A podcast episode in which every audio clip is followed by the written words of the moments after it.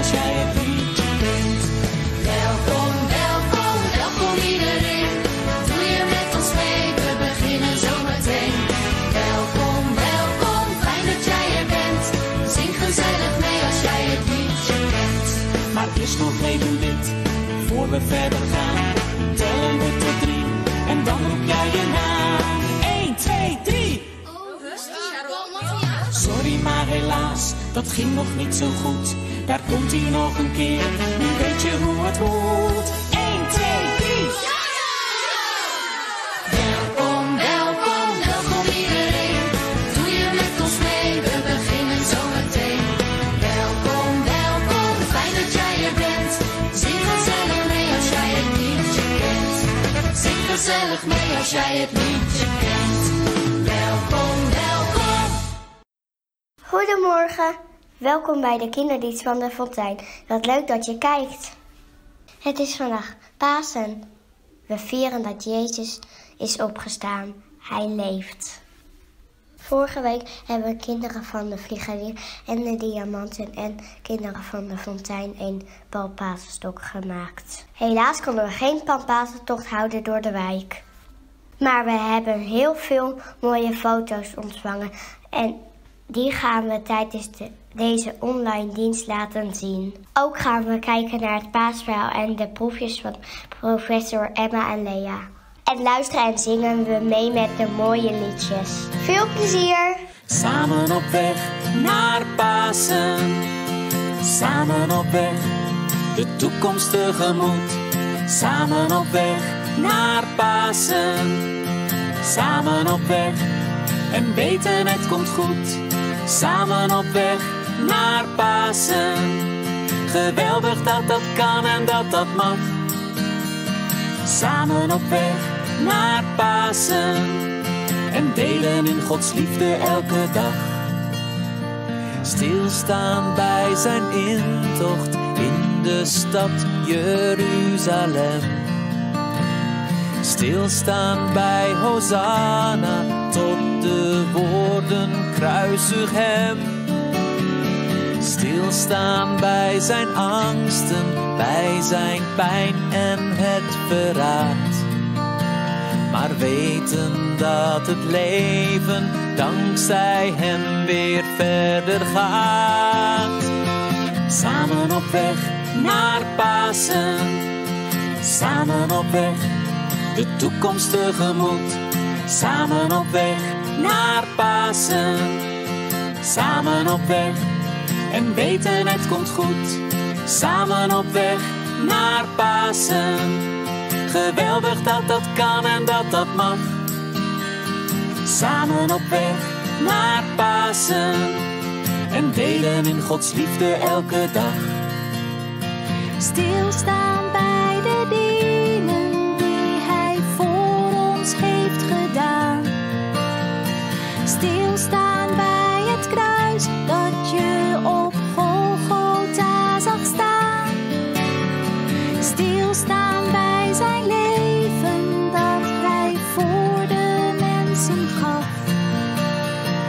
stilstaan bij de vrouwen bij het openstaande graf. Samen op weg naar Pasen. Samen op weg de toekomst tegemoet. Samen op weg naar Pasen.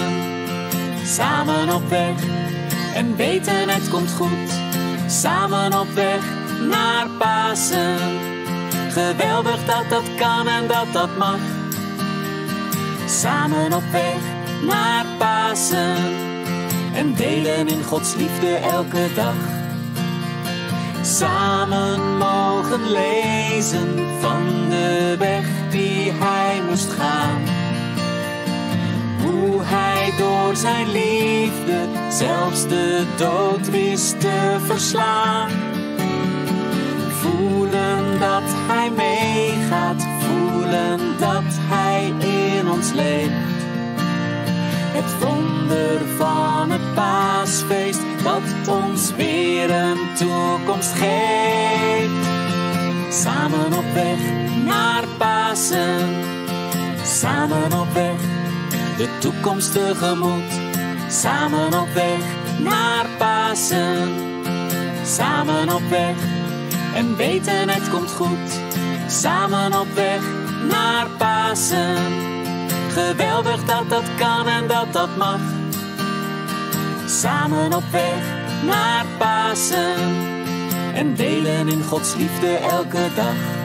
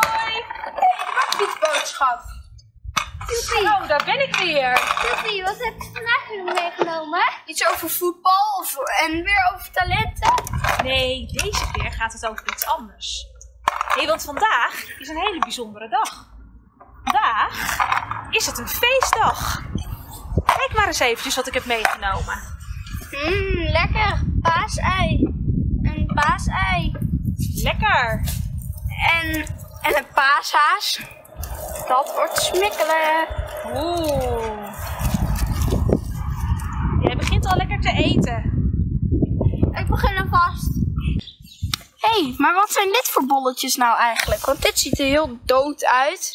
En waarom heb je die dan eigenlijk meegenomen?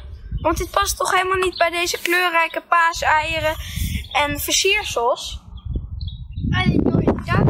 Wat is daaraan? Ja, nou weet je, dat hoort eigenlijk ook bij het paasfeest.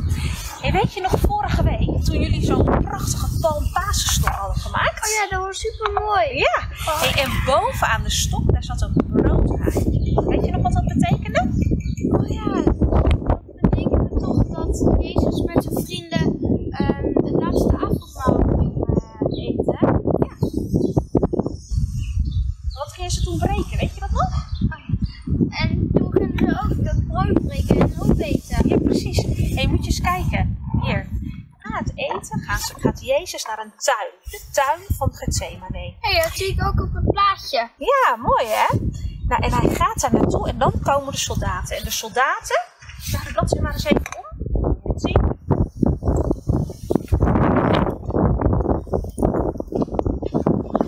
De soldaten pakken Jezus op en ze nemen Jezus mee naar de rechter.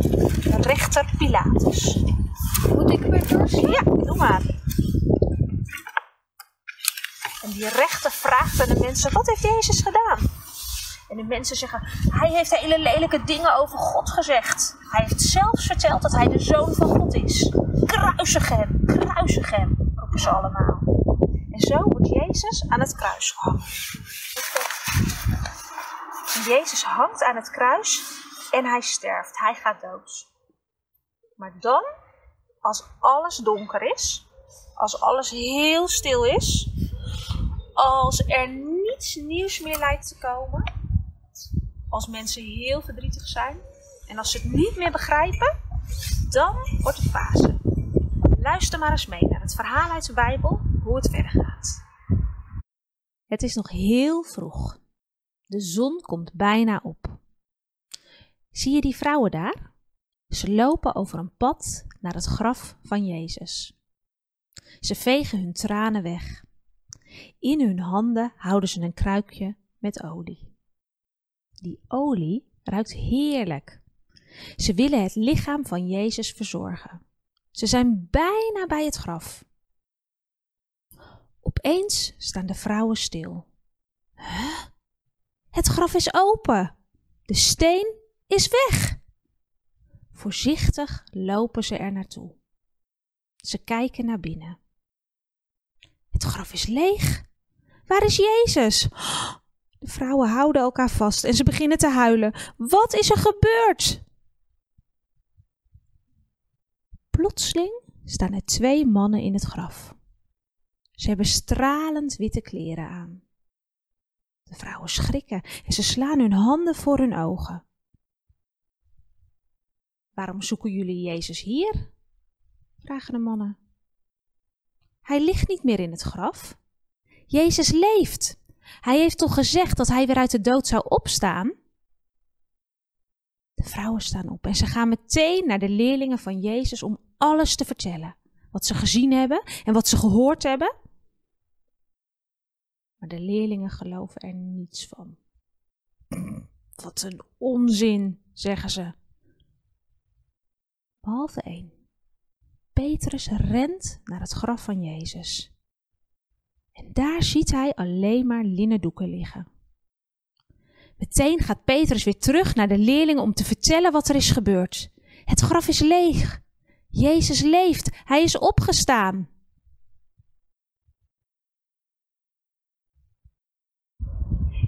Dat is het feest van Pasen. Jezus was gestorven, maar hij leeft weer. Hij is opgestaan. Er is een nieuw leven. Hij is opgestaan. En die dode tak? Maar kijk maar eens, die dode tak, die zo dor en droog leek, er komen allemaal nieuwe groene blaadjes aan. Nieuw leven. En die gekke bolletjes? Nou, kijk maar eens, als je zo'n gek bolletje in de grond doet, dan zit er eigenlijk een klein geheim in. Want er komt een prachtige bloem uit het bolletje. Kijk maar eens eventjes hier. Een prachtige narcis. Zo is het ook met het paasfeest.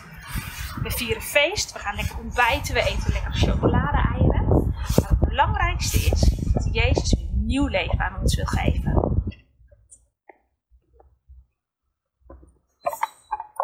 Leuk dat jullie weer geluisterd hebben naar de bakfietsboodschap.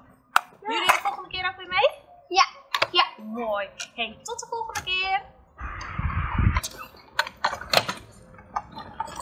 Wij gaan weer doorsteppen.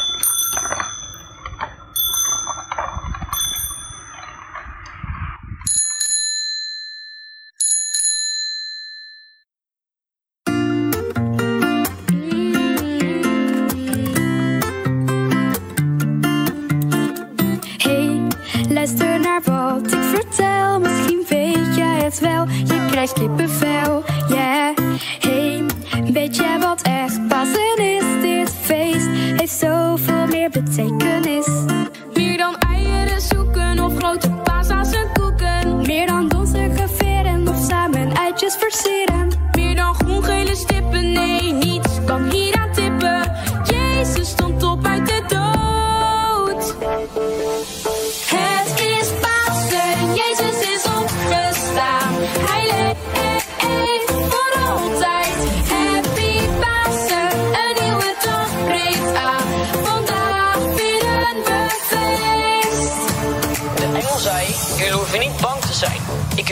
Jullie op zoek zijn naar Jezus, die aan het kruis gestorven is.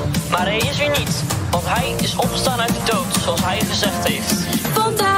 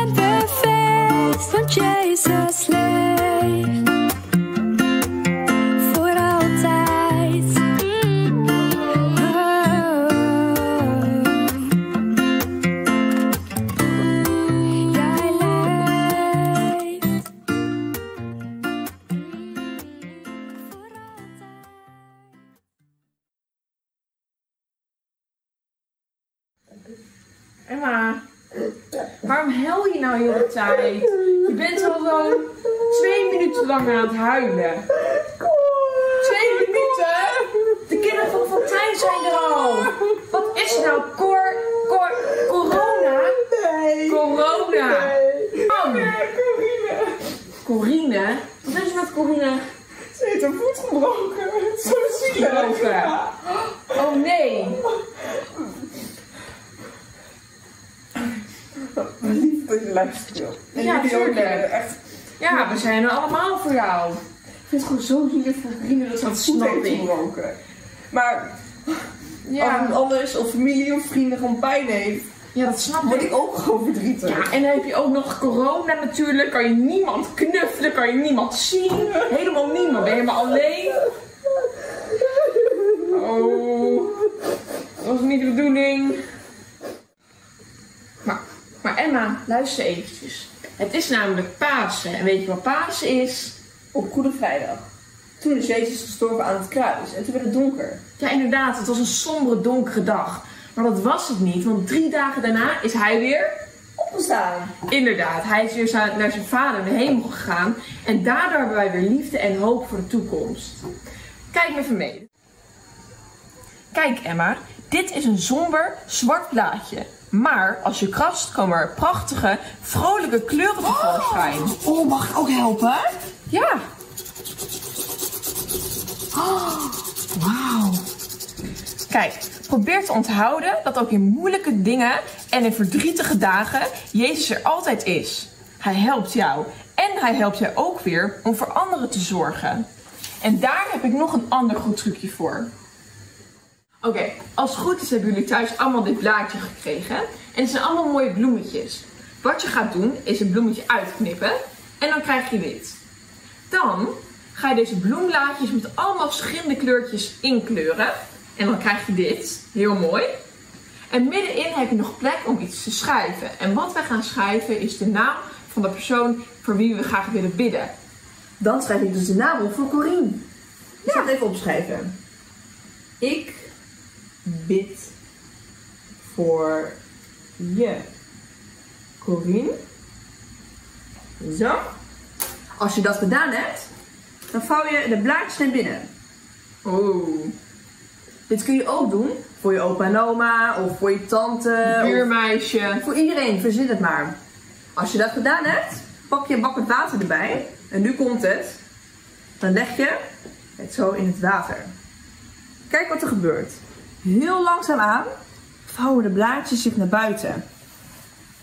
Best wel cool, hè? En Kijk, dan zie je... Nu zie je die tekst. Ik bid voor je, Corine. Als je iets moois wil doen voor een ander, kun je het ook opsturen. Dan kunnen Ja. ze het zelf in het water leggen. Kijk. En dan zien ze de boodschap die je hebt gestuurd. Wauw. Voel je jou weer beter, Emma? Ja, stukken beter, dankjewel. Ja, fijn dat je weet dat God bij je is natuurlijk.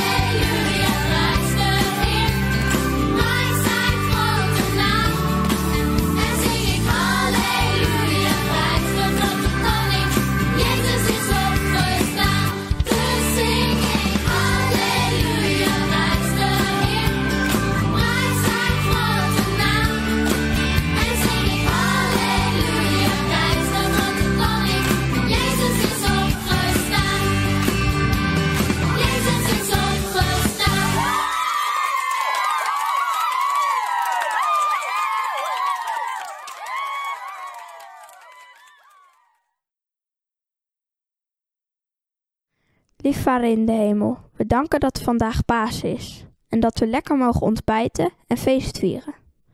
Maar sommige mensen die kunnen dat niet, omdat ze arm, ziek of alleen zijn. Wilt u die mensen zegenen en bij hun zijn? Ook danken wij Jezus, omdat Hij heeft laten zien dat er weer hoop is. Amen.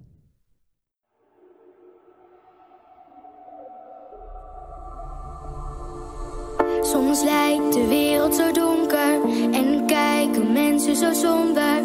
Maar u geeft blijdschap en die is voor iedereen. Soms zie ik kinderen huilen, bij u mogen ze schuilen. Want u geeft blijdschap en die is voor iedereen.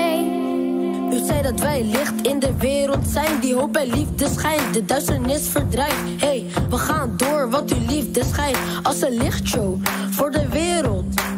Kom op, we gaan, doe je lampen aan. Ja, we staan stevig op de rots, u heeft alles gedaan. Ja, we willen doen wat u doet, want u maakt alles weer goed. Wij staan in het licht, licht, breken door de duisternis, mis. Telkens als het donker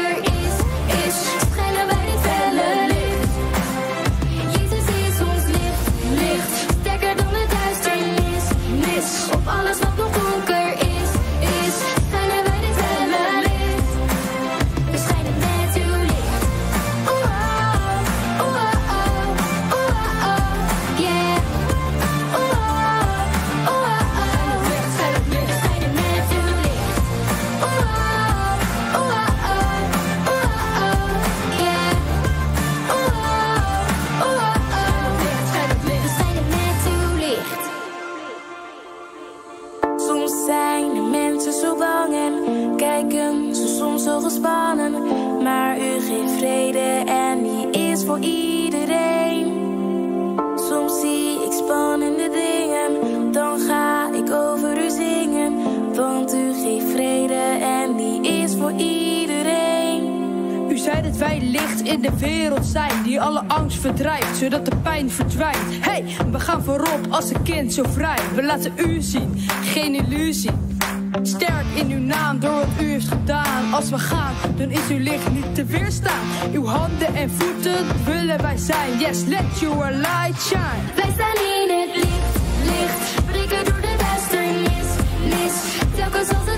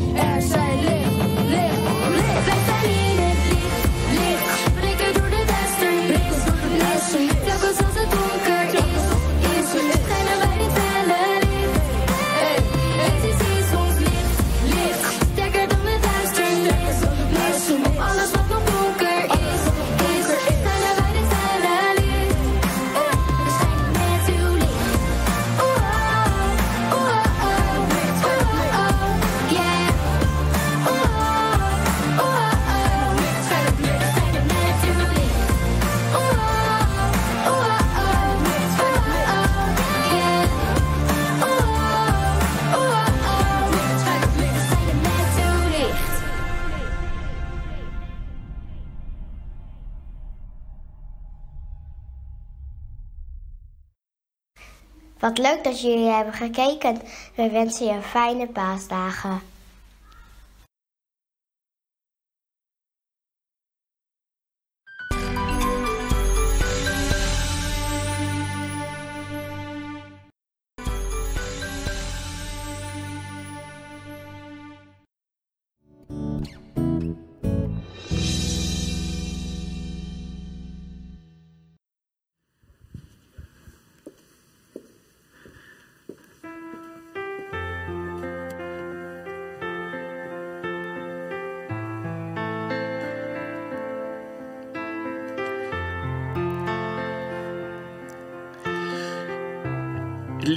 de Heer is waarlijk opgestaan.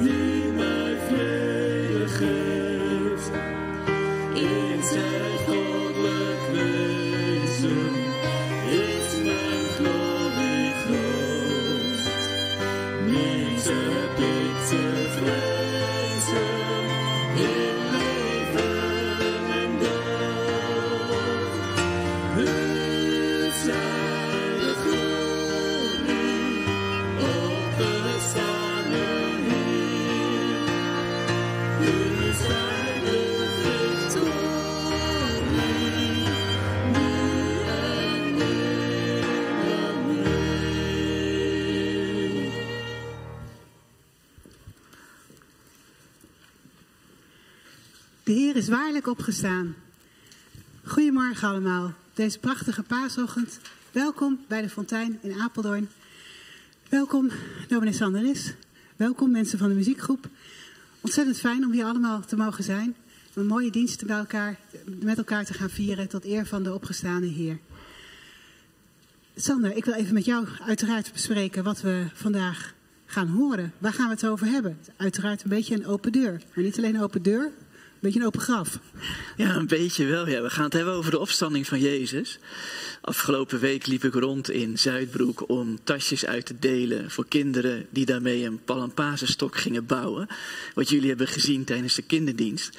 En ik heb aan verschillende mensen gevraagd wat ze hebben met Pasen, wat ze denken van Pasen.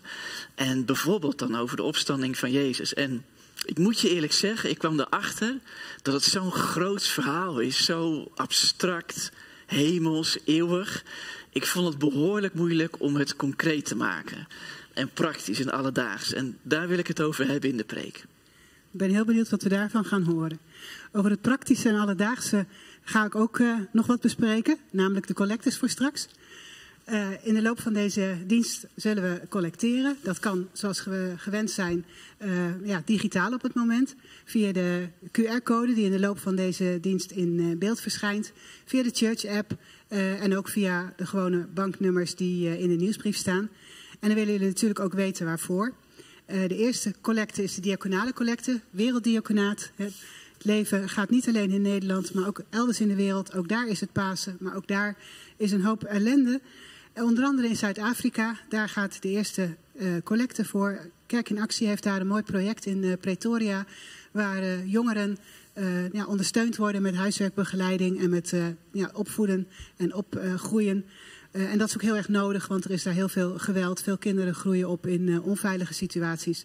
Er is ook heel veel werkloosheid, dus een goede scholing is ook heel belangrijk. de tweede collecte is voor, voor de fontein, voor de ja, verzorging van de kinderkerk, zoals jullie er net hebben kunnen zien. Hartstikke leuk om te doen, maar ook dat kan natuurlijk niet helemaal zonder dat we er geld voor hebben. En verder is er nog een uh, mogelijkheid via de Church App. Het is niet een collecte zoals de andere twee collectes, maar wel een, iets waar we erg eh, ja, veel aandacht voor willen hebben. Dat is de, de matrassenactie van eh, onze jeugdgroep. En daar gaan we nu ook eerst een, eh, een, een filmpje van zien zometeen. En voordat we dat gaan bekijken wil ik eerst beginnen met gebed. Vader in de hemel, dank u wel. Dank u wel dat het Pasen is, dat we mogen vieren dat u bent opgestaan. Dat de stille week en alles wat zich daarin heeft afgespeeld niet voor niets is geweest. Maar dat uw genade zo groot is dat u voor ons gestorven bent en voor ons bent opgestaan. Dat willen wij vieren, daar willen wij u voor danken. Wees u met ons, wilt u met uw Heilige Geest in ons komen wonen, zodat wij echt bewust kunnen meemaken wat u aan ons te zeggen heeft. Dat wij goed kunnen luisteren en u kunnen horen en verstaan. Dat vragen we u in Jezus' naam. Amen. Gaan we nu kijken naar het filmpje over de, ja, de paasbrodenactie waar jullie eh, vast al wel meer van hebben meegekregen. Het is weer tijd voor actie. Komt-ie! Speciaal voor de fontein. Een gratis paasbrood bij de aanschaf van een nieuw matras. Dus red ik het het naar een beter bed. Ja, jullie hebben natuurlijk ook allemaal zo'n lekker paasbrood gekregen. En denken nu, waar blijven die nieuwe matrassen nou? Maar ik weet niet hoe het bij jullie zit. Ik? Ik lig hier heerlijk en heb geen nieuw matras nodig. Nee, die nieuwe matrassen, die zijn voor de mensen in Hongarije. Anderhalf jaar geleden zijn wij met de Holiday groep naar Hongarije gegaan om daar te helpen klussen in een bejaardentehuis. Daar zagen we ook hoe slecht de matrassen waren.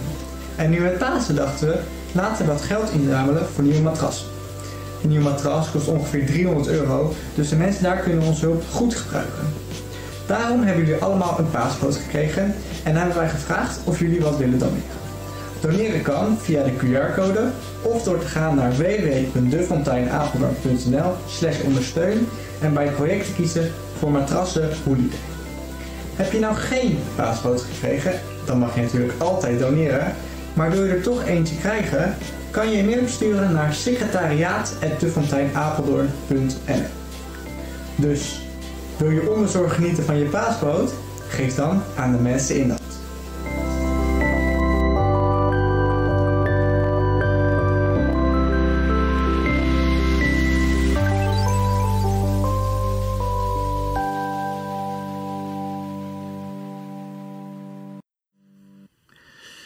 En na deze gave woorden van onze jeugd bereiden we ons voor op de dienst die voor ons ligt.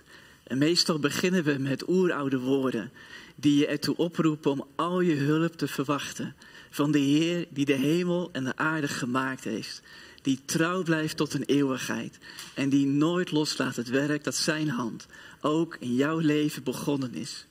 Er is genade en vrede voor jullie allemaal, van God onze Vader, van Jezus Christus onze verrezen Heer, in de eenheid van de Heilige Geest. Amen. En we zingen samen tot lof en tot eer van onze God die Jezus opwekte uit de dood. Laten we samen meezingen.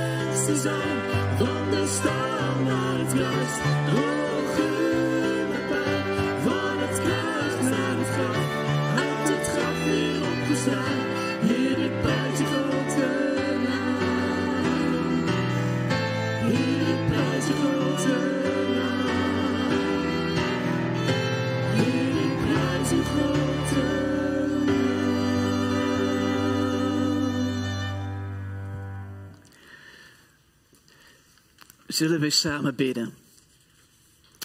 Heere Jezus, we aanbidden u, we loven u en maken uw naam groot. En daarmee maken we u groot, God.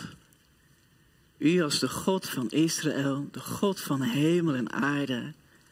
U heeft de vervulling van onze dromen waargemaakt. Waar we bezig zijn in ons leven om te hopen op het allerbeste, op het goede. Waar we meemaken in ons leven het, tegendeel. Dat de dingen soms zo slecht kunnen gaan. Dat we ons soms zo slecht kunnen voelen. En dat er om ons heen dingen kunnen gebeuren die zo negatief zijn. Maar u hebt onze dromen en u hebt onze hoop vervuld. Toen u Jezus opwekte uit de dood. Dank u wel, Heer Jezus, dat u de belofte bent die waar is geworden. En we bidden het elkaar toe. Of we nu gewend zijn aan Pasen en het christelijk geloof of niet. Dat u, Heer Jezus, de opstanding reëel voor ons maakt. Ieder voor ons thuis, op het werk en in de buurt. Als u de nieuwe wereld van God heeft laten aanbreken. De nieuwe wereld van gerechtigheid en, en een puur hart krijgen. En vergeving van zonde. En een heilig goed leven vol van liefde voor de mensen, de buurt om ons heen. Als u bent opgestaan uit de dood en u heeft dat allemaal mogelijk gemaakt, maak het dan ook nu mogelijk in mij, in ieder van ons. Zo vragen we u dat u met uw opstandingskracht dichterbij komt, waar we zitten op de bank, op onze stoel, waar we ook maar werken of wonen. Kom, Heer Jezus. Wat begonnen is bij uw opstanding, u zult het voltooien als u terugbrengt. Als u terugkomt op de wolken en als u ons allemaal thuis brengt bij de Vader. Zo bidden we u, zo loven we u Zo danken we u. Amen. Over de opstanding van Jezus zijn we nog lang niet uitgepraat. 2000 jaar geleden gebeurd. En we vieren het nog steeds. Maar we zijn er ook nog steeds mee bezig. Wat, wat betekent het nou precies? In de afgelopen maanden zijn we als gemeenschap, als de Fontein, meegetrokken met de christenen uit het Bijbelboek Handelingen. En vandaag sluiten we onze prekenserie over handelingen af. We lezen dus straks hoe Paulus spreekt over de opstanding van Jezus in een Joodse synagoge. In een klein stadje wat we nu Turkije noemen. Je zult zometeen dus Arnold hier zien. En Arnold gaat die preek van Paulus zonder ondertiteling aan je meegeven. En je daarom ook een beetje het gevoel geven hoe Paulus sprak. En hoe Paulus dus ook dacht over de opstanding van Jezus. Maar allereerst luisteren we hoe Rianke met ons het paasevangelie deelt uit het Lucas-evangelie.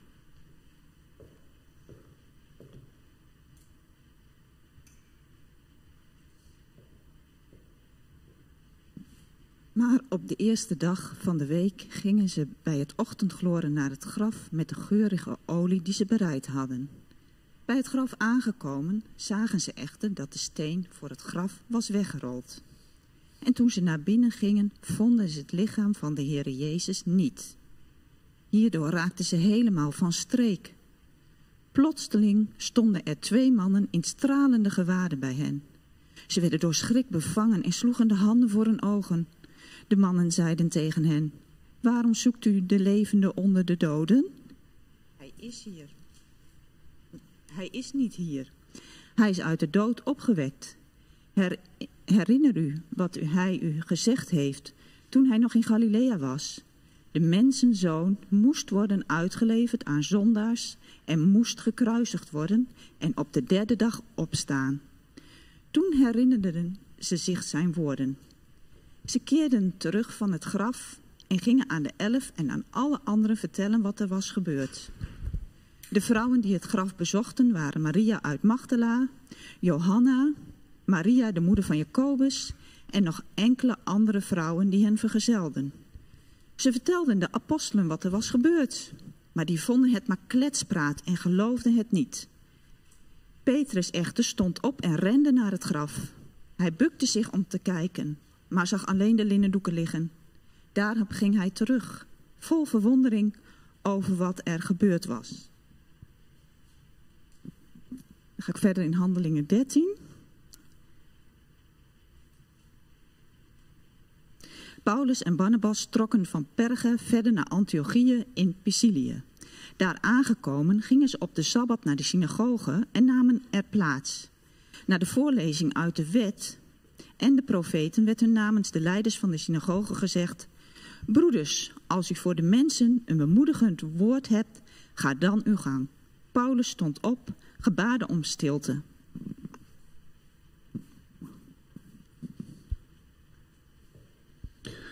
Israëlieten en alle anderen die God vereren, luister naar wat ik u te zeggen heb. Uit Davids nageslacht heeft God overeenkomstig zijn belofte een redder voor Israël voortgebracht. Jezus. Voor zijn komst had Johannes het hele volk van Israël opgeroepen om zich te laten dopen en een nieuw leven te beginnen. En toen zijn levenswerk ten einde liep, heeft Johannes gezegd: Wie denken jullie dat ik ben, ben ik niet. Maar let op, na mij komt er iemand anders en ik ben het niet waard om zelf maar zijn sandalen los te maken. Broeders en zusters, nakomelingen van Abraham en alle anderen die God vereren, ons werd het nieuws over deze redding bekendgemaakt. En de inwoners van Jeruzalem en hun leiders hebben niet alleen Jezus miskend, maar ook de uitspraken van de profeten, die elke sabbat worden voorgelezen. Door Jezus te veroordelen hebben ze deze uitspraken in vervulling doen gaan. Ofschoon ze geen enkele grond voor een doodvonnis konden vinden, drongen ze er bij Pilatus op aan om hem terecht te stellen. En toen ze alles ten uitvoer hadden gebracht, wat er over hem geschreven staat, haalden ze hem van het kruishout en legden hem in een graf. Maar God heeft hem opgewekt uit de dood. Gedurende ettelijke dagen is hij verschenen aan degenen die met hem van Galilea naar Jeruzalem waren getrokken en die nu onder het volk van hen getuigen. En wij verkondigen u het goede nieuws dat God zijn belofte aan onze voorouders in vervulling heeft doen gaan, ten behoeve van hun kinderen, ten behoeve van ons, doordat hij Jezus tot leven heeft gewekt. En daarover staat in de tweede psalm geschreven, jij bent mijn zoon, ik heb je vandaag verwekt. Dat hij Jezus uit de dood heeft doen opstaan en hem niet meer aan de ontbinding zal prijsgeven, heeft hij aangekondigd met deze woorden. Ik zal jullie schenken wat ik David plechtig beloofd heb. In verband hiermee wordt in een andere psalm gezegd: Het lichaam van uw trouwe dienaar zal niet tot ontbinding overgaan. En wat David betreft, hij is nadat hij de mensen uit zijn eigen tijd had gediend, overeenkomstig Gods wil gestorven en met zijn voorouders verenigd. Hij is tot ontbinding overgegaan, maar hij die door God tot leven is gewekt, is niet tot ontbinding overgegaan. U moet dus weten, broeders en zusters, dat het dankzij hem is dat aan u de vergeving van de zonde verkondigd wordt. En iedereen die op grond van de wet van Mozes geen vrijgespraak kon krijgen, wordt door hem geheel vrijgesproken. Mits hij gelooft. Zorg daarom dat u op niet voor de, eh, zorg daarom dat op u niet van toepassing wordt wat door de profeet is gezegd. Kijk, spotters, sta verbaasd en ga te gronden. Want ik zal jullie een tijd en in daad stellen, iets dat je niet zult geloven als het je wordt verteld. Tot zover het woord des Heren.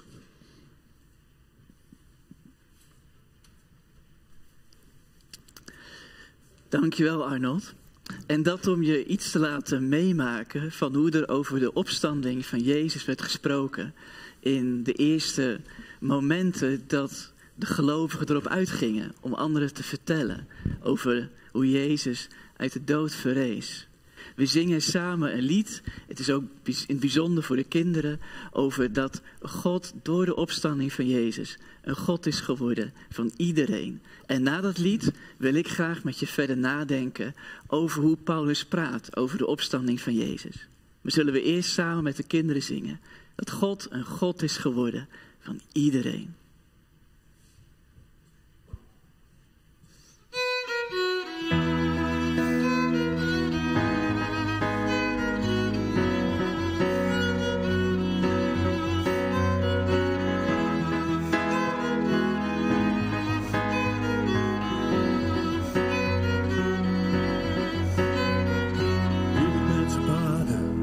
In zijn eigen vaderland.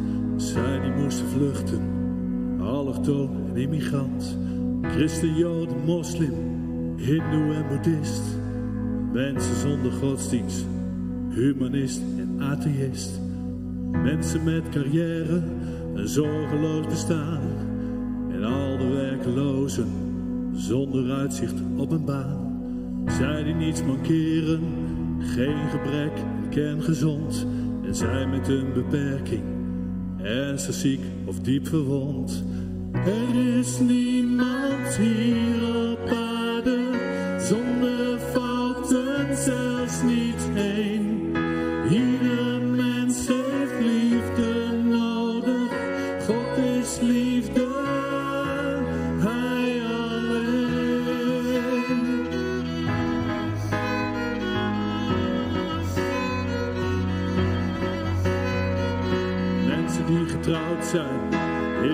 gelukkig met elkaar.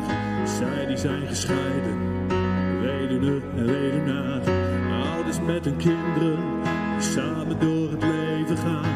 Kinderen zonder ouders, en zij die er alleen voor staan. Sterren en idolen, rondrijk en al onbemind. De mens die is verstoten, nergens meer erkenning vindt.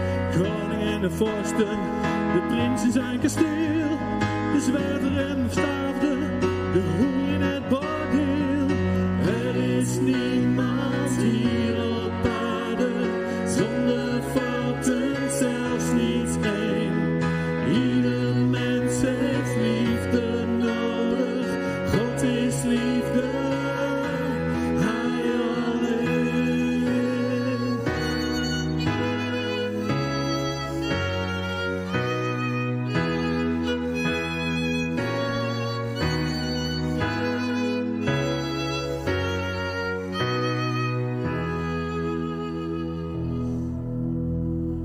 mannen en vrouwen, baby tot een hoogbejaard, lesbiennes, homo's, door een ander niet aanvaard.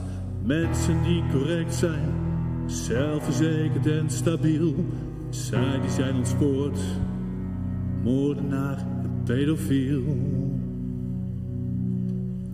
Er is niemand hier op aarde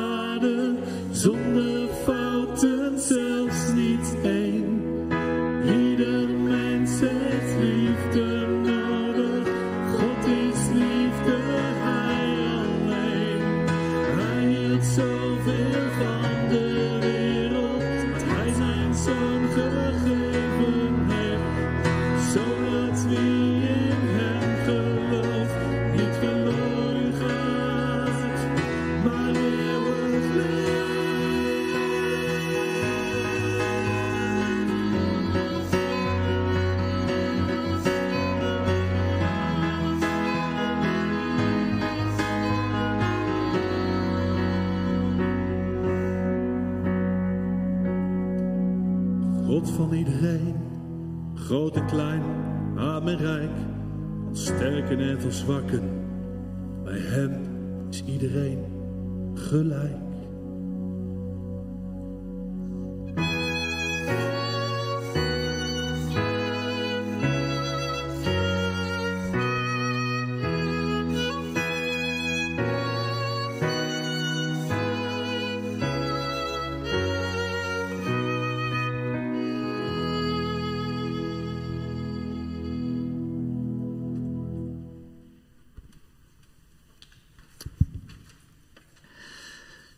Lieve vrienden, hoe vertel je over de opstanding van Jezus? Afgelopen week maakte ik inderdaad een ronde in Zuidbroek om bij verschillende huizen tasjes af te leveren rondom een project dat we aan het doen waren met kinderen in de wijk. Het was natuurlijk voor mij ook een hele mooie gelegenheid om mensen in Zuidbroek te ontmoeten. Eigenlijk bijna voor het eerst sinds ik werk voor de fontein, omdat we nu pas elkaar weer een beetje kunnen ontmoeten in de buitenlucht. En wanneer ik mensen vroeg naar Pasen eh, en het gesprek met hen een beetje probeerde uit te lokken over wat we geloven, dat Jezus tot leven is gekomen. Ja, daar kwamen toch ook wel reacties naar voren waarvan ik best lastig vond om daar iets mee te kunnen. Het klinkt ook een beetje als een verhaal over de Pasa's, zei iemand. Iemand staat op uit de dood, dat is, dat is een sprookje. Dat, dat kan niet echt. Iemand anders zei, ik denk wel dat de leven naar de dood is. Maar hoe weet je dat ooit zeker? Weer iemand zei, ja, ik ben niet zo'n zweverig type, dus daar kan ik niet zo goed over praten. En met iemand met wie ik wat verder kwam in gesprek, die zei op een gegeven moment, ik zou het fantastisch mooi vinden als het waar is. Maar ik kan me er simpelweg niets bij voorstellen. Dus mijn vraag is een beetje, is de opstanding van Jezus en ons geloof in de opstanding eigenlijk heel voor een beperkt aantal mensen? Voor de happy few. De paar mensen die, misschien zoals ik, erin zijn opgevoed, die er vaker over hebben nagedacht en vaker over hebben gezongen. En voor mij is de opstanding van Jezus gewoon een realiteit. Toen ik afgelopen donderdagavond naar de Passion keek op tv en ik zag hoe Jezus werd gespeeld, dan zie ik niet alleen maar een acteur, ik zie echt Jezus, de, de, de man met wie ik elke dag praat en met wie ik elke dag leef. Maar dat is misschien voor mij zo. Ik kan me goed voorstellen, wellicht ook als je nu meekijkt, dat het voor jou op een wat andere manier werkt. Of misschien niet werkt. Ik wou je iets laten zien over de opstanding van Jezus. En je kan met me meekijken op de slide die naast mij verschijnt. Dat de opstanding van Jezus behoorlijk abstract kan zijn. Het gaat over iemand die opstaat uit de dood en dan leeft ergens in een, in een hemelse sfeer. Het gaat over een stukje eeuwigheid. En daarmee wordt het wel heel groot. En ik kan me voorstellen dat je het als zweverig ervaart. Ik vind het ook behoorlijk complex. Het is nogal een denkkronkel. Hoe, hoe, hoe kan iemand nou uit de dood opstaan? De wetenschap slaagt er tegenwoordig in om bepaalde dingen die dood zijn tot leven te wekken. Maar een echt menselijk lichaam, een persoon, dat is wel even iets anders. En ik kan me ook voorstellen dat je de opstanding van Jezus als een soort theorie ervaart. Misschien wel een hypothese. Misschien wel een slechte hypothese. Het zou gebeurd kunnen zijn, maar wat kan ik er nu mee? En waar ik afgelopen dinsdag en woensdag, toen ik rondliep in Zuidbroek en met mensen erover praatte, ik was op zoek naar een manier van vertellen over de opstanding van Jezus, die, die alledaags is. Die klikt met, met onze leefwereld. En ook met Zuidbroek zelf, met de wijk. Of met de wijk waar jij in woont. Ik ben op zoek naar niet zozeer eenvoudig, daarmee bedoel ik niet iets simpels, maar iets eenvoudig dat het als het ware te pakken is, als een kern, dat je het kan onderzoeken. Ik denk dat de opstanding van Jezus altijd een mysterie zal blijven. Maar kan je er zo over denken en praten dat het wel een mysterie is, dat het intellectueel waardig is om te onderzoeken, dat het kan. En ik zou willen dat ik er praktisch over kon spreken. Dat het me motiveert tot praktische liefde en geloof en hoop. Dus hoe kom ik van het abstracte, complexe, theoretische naar het Zuidbroek of waar jij ook woont, alledaagse, eenvoudig te kunnen onderzoeken en het praktische?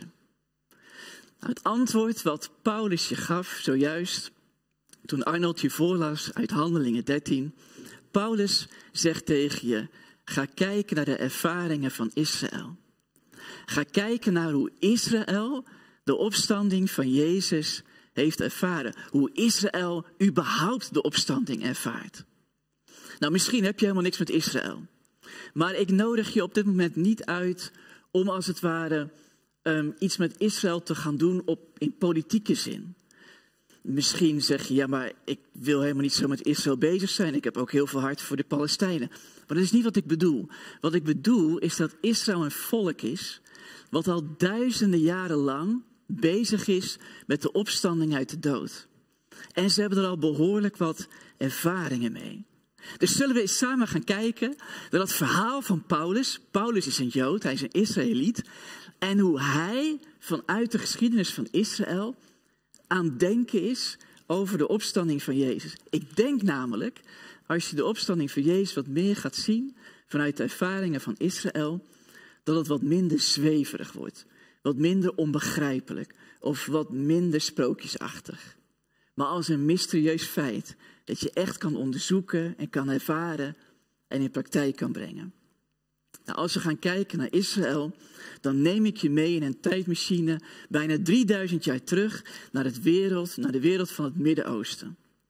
En je kan met me meekijken naar de wereld van het Midden-Oosten. Ik denk dat de slides nog even doorgeklikt moeten worden, zodat je kan zien hoe het er toen de tijd uitzag. Ja, dat waren de ervaringen van Israël waar we het over hebben. En dan nog eentje verder. En dan zie je het Midden-Oosten van toen de tijd. Ik weet niet of het helemaal lukt. En anders ga ik gewoon vertellen. Vind je niet? Ga ik gewoon vertellen. Het Midden-Oosten van toen de tijd bestond uit drie grote supermachten. Uh, in Egypte en in het noorden in Turkije en wat meer in het oosten in Irak. En als je al kijkt naar de drie supermachten die er zo lagen, dan zie je dat Israël precies in het midden lag. Dus Israël, het Midden-Oosten, lag precies op de handelsroutes tussen Afrika en Azië, tussen Afrika en Europa, tussen Afrika en het noorden. Israël was een heel klein stukje land waar bijna iedereen doorheen moest als je internationaal in die tijd aan het reizen was of handel aan het drijven was. En je begrijpt misschien wel, wanneer Israël een heel klein stukje strook was, tussen drie grote supermachten, dan was het een gewild stukje strook. Het was vastgoed waar iedere makelaar van aan het dromen was. Het was gewild land. Dus dat stukje strook wat later Israël is geworden, werd continu veroverd. Het werd continu bevochten. Het was eigenlijk eeuwenlang een slagveld. En precies in dat stukje land is later de opstanding van Jezus gebeurd. En ik ga je zo meteen hopelijk laten zien waarom het belangrijk is dat we dat wat meer doorkrijgen. Daarmee wordt het wat concreter en alledaagse en praktische.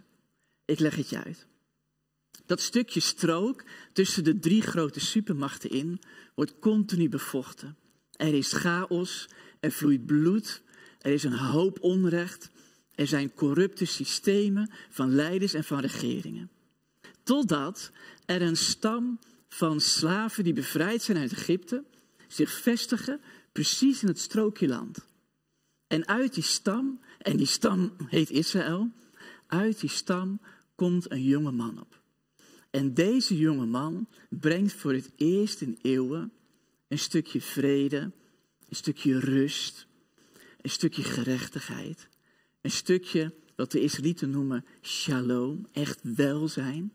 Dat het goed is voor jou en voor mij en voor ieder ander op dat kleine stukje land wat bevochten is door drie grote supermachten. De naam van de man die dat doet is koning David. En misschien toen je net luisterde naar Arnold merkte je al dat Paulus het vaak heeft over koning David. Ik wil je iets laten zien over koning David, hoe hij beschreven wordt in 1 Samuel 22. Je ziet dat David begint als een vluchteling die zich moet verstoppen in de woestijn. En wanneer hij zich verstopt in de woestijn, voegen zich allerlei mensen bij hem. En ik weet niet of je het ziet, het zijn allerlei mensen die in moeilijkheden zitten. Het zijn mensen met schuldeisen. Het zijn mensen die bitter zijn van ziel. Wanneer deze David begint om een stukje gerechtigheid te creëren in een land dat verscheurd wordt door allerlei spanningen en oorlogen, is hij er slecht aan toe. Hij is een vluchteling, hij wordt opgejaagd en hij wordt opgezocht door allerlei mensen. David start hier een verzetsbeweging. Een verzet tegen de plaag van de plunderende bendes die gefinancierd door de omliggende supermachten er al het baat bij hebben dat dit stukje land onrustig blijft. David begint die verzetsbeweging, maar het kost hem zijn alles. En ik laat je nu een lied van David zien, waarin David zingt over hoeveel het hem kost om te strijden tegen het onrecht, tegen het leugenachtige, tegen de instabiliteit om hem heen. Deze psalm van David heeft ook op de lippen van Jezus gehangen. Jezus fluisterde deze psalm toen hij stierde van het kruis. De psalm gaat zo, psalm 22. Daarin zegt David tegen God, dus ik moet eentje terug, hij is eentje te ver gegaan. Hans, dan kunnen we meekijken met psalm 22. Ik weet niet of dat gaat lukken. Ja, kijk. Dan zingt David het volgende. Een kudde stieren drijft me in het nauw. Ze zijn te sterk en te veel. Een overmacht, ze laten me niet gaan. Hun bek staat wijd open, als een leeuw die zijn prooi verslindt. En David voelt zich ook als water dat wordt weggegooid op de grond. Zijn lichaam wordt helemaal ontwricht. Zijn hart smelt als was. En David zegt niet meer. Ik kan het eigenlijk niet meer. Mijn keel is als een scherf uitgedroogd. Mijn tong kleeft in het mond. En David zingt, mijn God, u legt me neer in het doodstof. Dit is wat Jezus ook later meemaakt aan het kruis. Wanneer David een verzetsbeweging begint, een tegenmacht tegen de gecorrumpeerde machten om hem heen, dan komt alle onrust van het land in David terecht. De gespannen sfeer in de samenleving komt in David terecht. David neemt het in zich op. Het lijden van het land wordt Davids lijden. De zonden die gebeuren in het land, alles wat fout gaat, wat krom zit, waardoor mensen onderdrukt worden, of buitengesloten, of simpelweg helemaal in de hoek worden gedreven. Het komt allemaal op David terecht. Opstanding, vanuit Israël gedacht, gebeurt in de realiteit van ook onze tijd, met je voeten in de klei. Wanneer Paulus vertelt over de opstanding van Jezus, citeert hij nog een ander lied van David. Dat is Psalm 2. En in dat lied zingt David over hoe God iets maakt van opstanding in zijn leven. Kijk maar met me mee. David zingt tegen God, zeg me, waarom komen volken in opstand? Waarom spannen koningen samen? Waarom beramen ze zinloze plannen? Ze moeten niets hebben van God. Ze zeggen, we rukken ons los. Gods koning is niet te verlont, zijn tijd is om.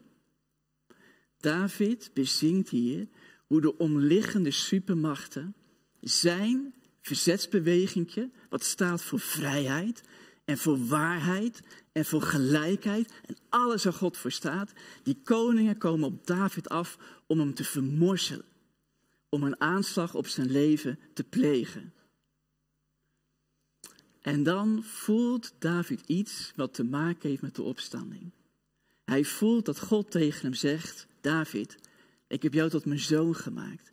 Ik geef je alles wat, wat je van me vraagt. Je krijgt de macht omdat ik van je houd. Alles en iedereen is straks van jou. Jij zult regeren met ijzeren vuist. Je zult ze breken, hè? die rondplunderende bendes. Je zult ze breken. Je gooit ze het land uit. Dezezelfde psalm wordt weer door Paulus geciteerd als het gaat om de opstanding van Jezus. De opstanding is zo'n revolutionair feit, omdat het vanuit God een ijzeren vuist maakt die het kwade breekt. Het kwade wat je zonde kan noemen in mijn, in jouw leven. Het kwade wat je om je heen ziet gebeuren in de samenleving. Het kwade wat je overkomt in vormen van lijden en vormen van ongeluk. De hoop op de opstanding, het hele idee van opstanding gaat erover dat God zich verzet tegen het kwaad. En dat God het niet zomaar doet met een ijzeren vuist en dat hij het kwaad breekt. Je kunt dus ook vaak in de Bijbel over Jezus' opstanding lezen als een triomf. Over de machten en de krachten die erop uit zijn om niet alleen jouw leven, om niet alleen onze stad en niet alleen ons land, maar de hele wereld in een greep te krijgen. In Psalm 16 zie je het dan ook echt gebeuren, die opstanding. Paulus haalt deze psalm aan wanneer hij vertelt over de opstanding van Jezus. Lees me met me mee uit Psalm 16. Daarin zegt David tegen God: Ik kom naar u, want bij u ben ik veilig. Ik heb u nodig, Heer. En David beschrijft hoe hij s'nachts denkt aan God, zich veilig voelt, blij is van zijn redding. En dan zegt hij: Ik leef. Ik leef tegen alles in. Tegen al die, die muitende bendes die op me af zijn. Tegen alles wat ik ervaar, wat niet klopt aan het leven. Tegen alle negativiteit. Ik leef. Ik val niet uit Gods hand. En dan zingt David, want u zult me niet zomaar laten sterven. Ik hoef niet naar het graf. U laat me niet los. U weet waar ik het zoeken moet, dicht bij u. En daar zal hij gelukkig zijn. Ook dit lied wordt gezien, hoor je, wanneer Jezus het fluistert rondom zijn lijdensweg en rondom zijn opstanding. Het zingt over een diep vertrouwen dat als God opstanding geeft, dat Hij je vergeving geeft, zodat je vanzelf van binnen een puur hart ontvangt en een nieuwe geest, nieuwe hoop. Dit is een sleuteltekst geworden onder de eerste christenen over de opstanding van Jezus. Het idee dat je lichaam, je hart en je geest nieuw worden, terwijl je de spanningen van het land in je opneemt en je verzet, een tegenmacht opbouwt en bouwt aan het goede. Je ziet dan ook in de opstanding van Jezus dat het ook echt gebeurt. Ik neem je even mee naar een klein verhaaltje rondom de opstanding van Jezus uit Matthäus 27. Daar lees je een klein detail wat heel veelzeggend is over hoe Israël denkt over de opstanding. Op het moment dat Jezus sterft, scheurde het tempel het voorhangsel van boven tot onder in tweeën. De aarde beefde, de rotsen spleten en de graven werden geopend. En dan lees je, de lichamen van veel gestorven heiligen werden tot leven gewekt. Opstanding. Maar het gaat over de heiligen van Israël. Wie zijn die heiligen van Israël? Nou, als je ooit een bijbeltje vindt met de deuterocanonieke boeken, kopen en ga lezen in de deuterocanonieke boeken. Het is een aantal bijbelboeken die in sommige bijbels wel toegelaten zijn en in andere geloofstromingen niet. In die deuterocanonieke boeken vind je het verhaal van Israëlieten die net zoals David opstonden tegen corrupte machthebbers. Die zeiden, tot hier en niet verder met het onrecht, ik ga ervoor staan. En je leest dat wanneer zij sterven, omdat ze natuurlijk tegengewerkt worden, omdat ze gevangen genomen worden, omdat ze gemarteld worden, dan zeggen deze Israëlieten, net zoals David, ik geloof in de opstanding. David realiseerde een vredesrijtje op dat geplaagde stukje land. Het duurde maar kort. Na zijn sterven nemen de supermachten het weer over, zoals zo vaak. Maar in Israël worden de verhalen over David bij elk kampvuur verteld. Bij ieder kind wat naar slapen gaat, wordt verteld over David. Zijn liederen worden eeuw na eeuw, generatie na generatie gezongen. En daarom vind je in Israël altijd de hoop dat God opstanding geeft. Een andere tekst die Paulus dan ook citeert uit het geheugen van Israël over de opstanding van Jezus is Jezaja. Jezaja 55, een tekst uit de profeten. Daarin zegt God tegen de Israëlieten, leen mij je oor, kom bij mij en je zult leven. En dan vertelt God dat hij in de toekomst een nieuw verbond met Israël zal sluiten. Zodat ze weer helemaal dat pure hart krijgen. Helemaal de, de nieuwe geest krijgen. Hij vertelt dat hij een nieuwe David gaat geven. Die net als David eeuwen terug, nu hier in onze wereld gerechtigheid gaat brengen. En vrede. Persoonlijk, in de buurt en in de wijk en in de hele samenleving. God vertelt over andere mensen, niet-Israëlieten, die zich daarbij aansluiten. Dat zouden dan jij en ik zijn, denk ik. God vertelt over een hele nieuwe wereld. Moet je met me meekijken naar de volgende slide.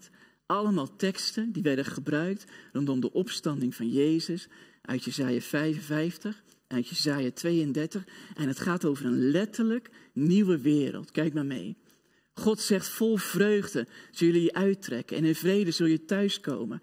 Bergen en heuvels zullen je juichend begroeten. Doornstruiken maken plaats voor cipressen en distels voor mittenstruiken. De gerechtigheid zal vrede stichten, rust en vertrouwen voor altijd. En mijn volk zal wonen in een oase van vrede, veilige woonplaatsen, oorden van ongestoord rust. En dan gaat het over bossen, over wouden. En het gaat over steden. Voor Israël is dit niet straks in de hemel. Voor Israël is dit een belofte die God geeft. Er komt een tijd, zegt God, dat ik net als toen de tijd bij David de hele wereld ga vernieuwen. En dat elke stad in Israël, elke buurt in Israël en elk bos in Israël vol staat van vrede, van rust, van echtheid, van puurheid, van zuiverheid. Van een gelukkig leven waarin iedereen zijn plek heeft. Van waarheid in plaats van leugen. Zo wordt er in Israël gedacht over de opstanding. En wanneer Paulus dan vertelt dat de opstanding in Jezus is gebeurd, dan kijkt Paulus via Jezus naar Israël. En Paulus zegt, zie je wat er gebeurt? De opstanding die God heeft beloofd aan Israël overkomt Jezus. Wanneer Jezus uit de dood opstaat, ziet Paulus niet alleen maar een man die weer tot leven komt. Hij ziet al die beloftes aan Israël worden gegeven, echt realiteit worden. Vanaf de opstanding van Jezus kijkt Paulus naar Israël en hij ziet dat Israël bol staat van God zelf dat elke Israëls stad, elk bos in Israël, elke buurt in Israël helemaal vervuld wordt van Gods liefde, van Gods gerechtigheid en van Gods vrede. Maar weet je nog, weet je nog, dat Israël niet alleen geloofde dat als de opstanding uit de doden zou komen, dat Israël hersteld zou worden. Israël geloofde dat de hele wereld hersteld zou worden. Ik weet niet of het gaat lukken met de slide. Maar we proberen het. Als Paulus kijkt, ja, als Paulus kijkt naar de opstanding van Jezus, dan ziet hij niet alleen dit. Kijk, jij en ik, wij denken West-Europees. Wij zijn eigenlijk in de loop van de eeuwen losgeraakt van hoe Israël denkt. Wij zien dit. Een man die opstaat in volle glorie uit het graf. Dat ziet Paulus ook wel. Maar hij denkt als een Israëliet. Dus hij ziet nog iets anders. Hij ziet, hij stelt Israël. Hij ziet alle steden, buurten, bomen, bossen van Israël weer helemaal vol worden van vrede. Maar niet alleen van Israël, Paulus ziet het in de hele wereld. Omdat het niet alleen voor Israël geldt, maar ook voor alle niet-Israëlieten die willen aansluiten. Dus als je aan Paulus zou vragen, Paulus, wat zie jij? Als jij de opstanding van Jezus ziet, dan zegt Paulus, kijk maar mee naar Apeldoorn. Weet niet of we dat kunnen zien, Apeldoorn. Dan zegt Paulus, kijk maar mee naar Apeldoorn. Want de nieuwe wereld die God mogelijk maakt van opstanding, dat betekent voor alle mensen een puur, rein, zuiver hart. Een nieuwe verbondenheid met God. Maar niet alleen nieuwe mensen, ook nieuwe steden, nieuwe buurten, nieuwe bossen. Kijk, dat bedoel ik. Paulus ziet dit als hij kijkt naar de opstanding van Jezus. Vernieuwd door God. Ik ben er nog helemaal mee bezig. Ik ben het nog helemaal aan het ontdekken. Als ik rondloop in Apeldoorn en ik loop daar rond, want ik geloof in de opstanding van Jezus, zie ik dan alleen maar een man die 2000 jaar geleden opstond uit het graf?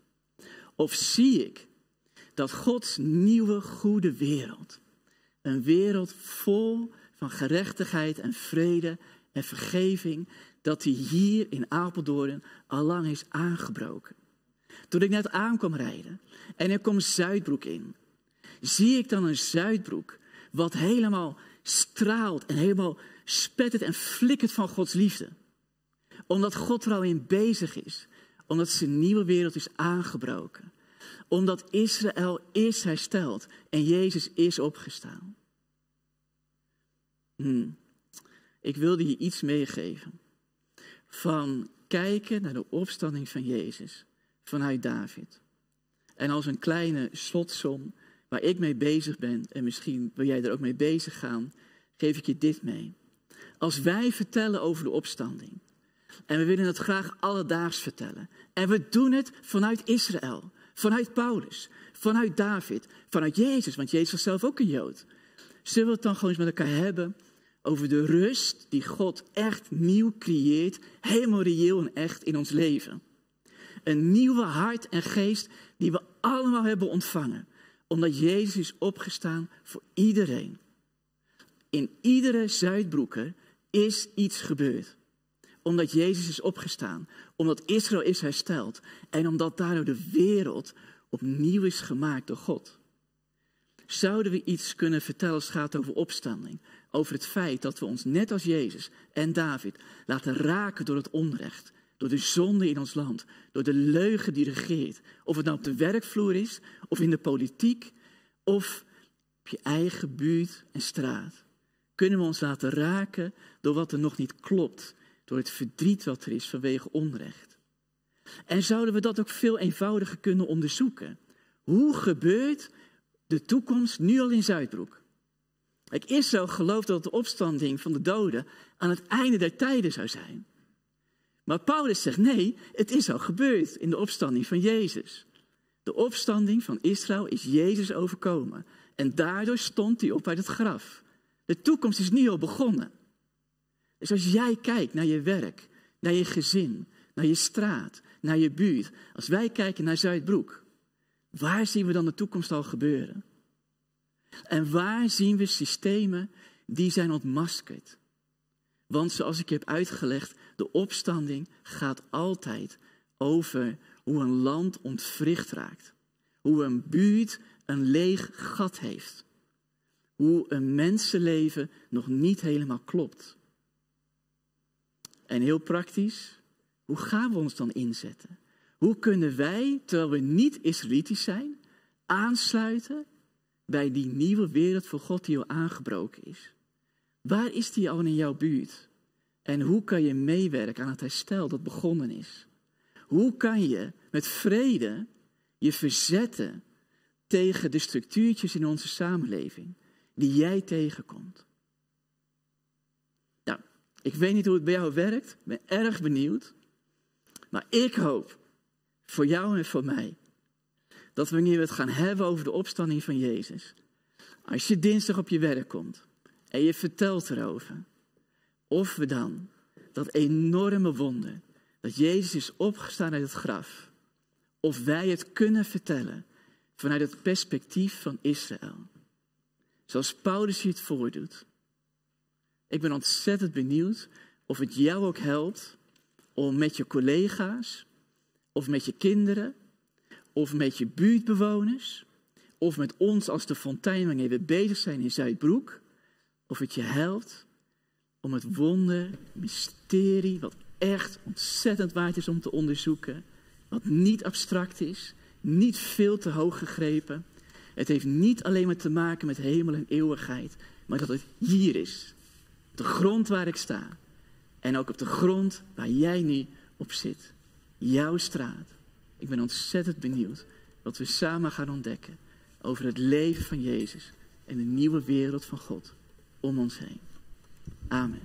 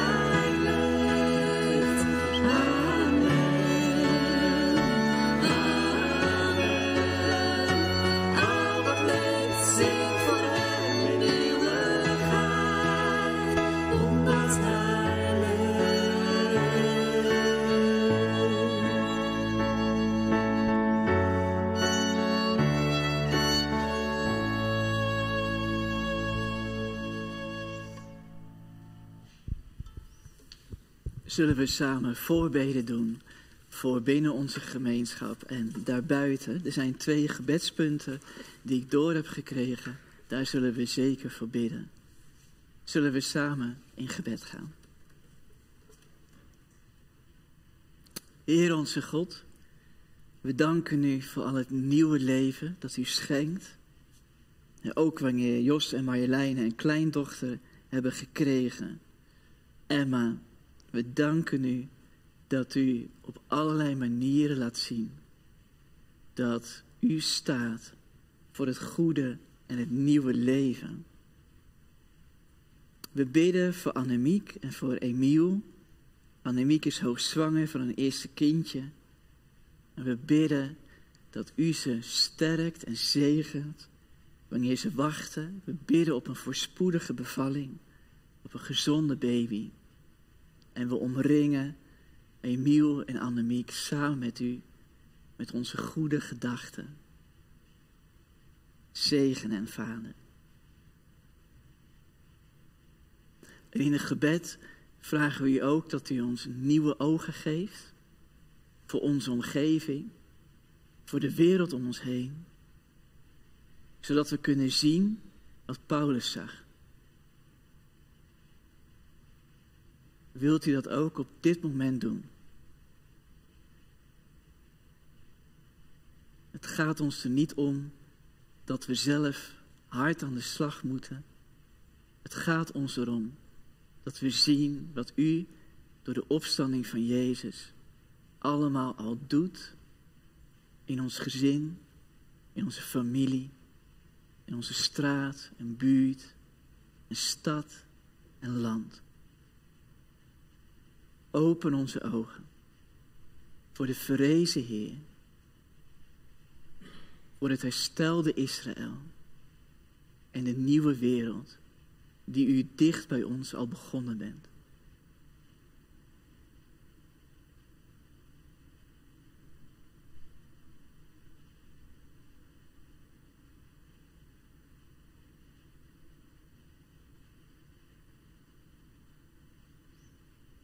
Heer Jezus, wanneer we in de komende dagen over u vertellen en iets proberen uit te leggen van wat we samen vieren op Pasen. Dank u wel dat u ons dan zoveel geeft. Al die verhalen van Israël. Er zijn al zoveel praktische en concrete gedachten over hoe we erover kunnen praten. We bidden dat u ons nieuwe honger geeft naar uw Bijbel, naar het Oude Testament en naar de verhalen rondom Jezus' opstanding. Zodat we gevoed met uw woorden iets kunnen delen met anderen. Wat klikt met hun leefwereld. Zo staan we open voor uw geest, opgestane Heer.